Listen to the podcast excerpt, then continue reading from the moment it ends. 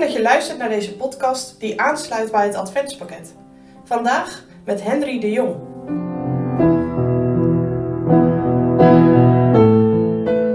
Een bevel en een lange reis. Vandaag lezen we een gedeelte uit het Evangelie van Lucas, tweede hoofdstuk, de eerste vijf versen. En het geschiedde in diezelfde dagen dat er een gebod uitging van de keizer Augustus, dat de gehele wereld beschreven zou worden.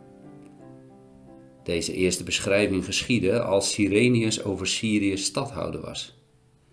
En ze gingen alle om beschreven te worden en iegelijk naar zijn eigen stad. En Jozef ging ook op van Galilea, uit de stad Nazareth, naar Judea, tot de stad Davids, die Bethlehem genaamd wordt, omdat hij uit het huis en geslacht van David was, om beschreven te worden met Maria, zijn ondertrouwde vrouw, welke bevrucht was.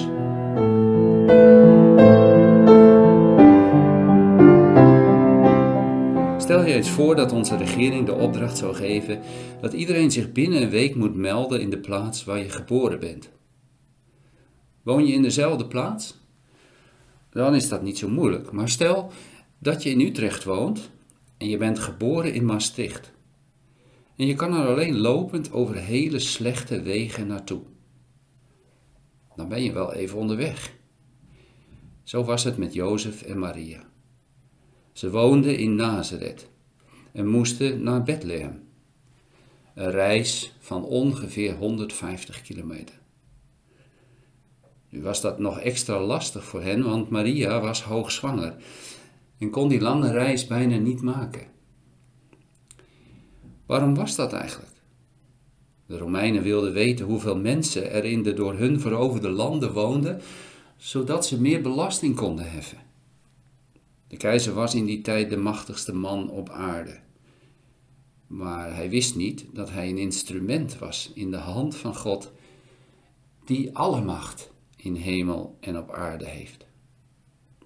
De Heere gebruikte keizer Augustus om een volkstelling te organiseren en zo de mensen naar hun geboorteplaats te sturen om zich daar te laten registreren. En daarmee werd de belofte vervuld. Welke belofte? De belofte waar de profeet Micha over had geprofiteerd. En je hebt die tekst vast wel eens gehoord. Micha 5, vers 1.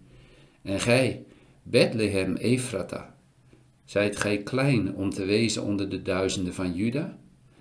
Uit u zal mij voortkomen, die een heerser zal zijn in Israël, en wiens uitgangen zijn van ouds, van de dagen der eeuwigheid. Jozef was uit het huis van David en de stad van David was Bethlehem. De zaligmaker moest niet in Nazareth, maar in Bethlehem worden geboren. Maar hier is meer aan de hand. De Heere laat in deze geschiedenis zien dat Hij de wereldgeschiedenis in zijn hand heeft. Hij heeft de volkstelling van Augustus in zijn plan ingepast. Of in het hart van Augustus gelegd om zo Jozef en Maria op het juiste tijdstip naar Bethlehem te laten gaan. Wat is dat ook voor vandaag bemoedigend, dat de Heere de wereldgeschiedenis bestuurt. Zelfs al zien we daar naar onze waarneming weinig van. Of hebben we er misschien grote vragen bij. Maar de Heer Jezus zal het straks zelf gaan zeggen: Mij is gegeven alle macht in de hemel en op de aarde. Heb jij daar ook dat vertrouwen? Dat de Heere regeert?